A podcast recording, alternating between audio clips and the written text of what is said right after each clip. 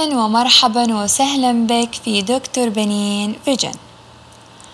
حلقتنا اليوم بنتكلم على تحليل اسم الموضوع قبل ما تدخل تقرأ تفاصيله. كيف؟ يعني قبل ما تبدأ بمذاكرة أي موضوع حلل العنوان. مثلا الأمينوريا. طيب هذا موضوعنا اللي بنتكلم عنه إن شاء الله في الأيام الجاية. الأمينوريا هي كلمة لاتينية. طيب نحتاج نقسم الكلمة هذه عشان نفهم معناها كويس. شنو المقصود فيها؟ طيب إذا قدامك ورقة وقلم أبغاك تمسك الورقة والقلم واكتب معاي. يفضل تكون ورقة A4 طيب. وإذا ما معاك ركز معاي بخيالك. خلونا نبدأ.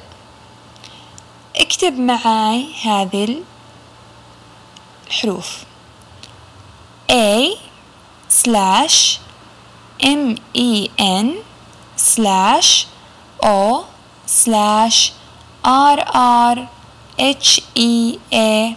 نقطة. انتهينا. طيب. نرجع إلى بداية الكلمة. ال A هي prefix.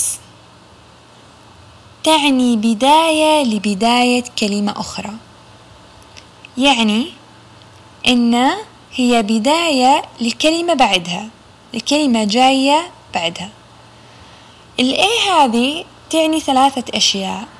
إما no or not or without. بتصادفني كثيرا في الكلمات الطبية. الكلمة اللي بعدها من معناتها منسز اللي هي الحيض. الأو هو حرف علة أو حرف الوصل اللي يجمع لنا بين كلمتين كلمة قبله وكلمة بعده. طيب. ريا هي سفكس أي نهاية الكلمة؟ هذه الريا تجي في نهاية الكلمة. وتعني discharge. خلونا نجمع كلامنا هذا. ال A تعني no المن تعني منسز ال O هي حرف وصل خلاص ما نستخدمه. الريا تعني discharge no منسز discharge. خلونا نرتب الكلام أكثر.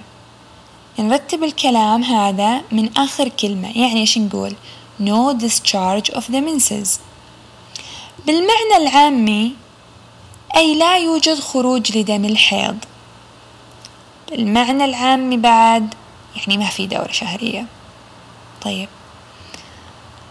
لو استخدمنا هذه الطريقة طريقة ال medical terminology قبل ما نبدأ بأي موضوع بيكون فهمك للموضوع بشكل أسهل وبشكل سلس أكثر.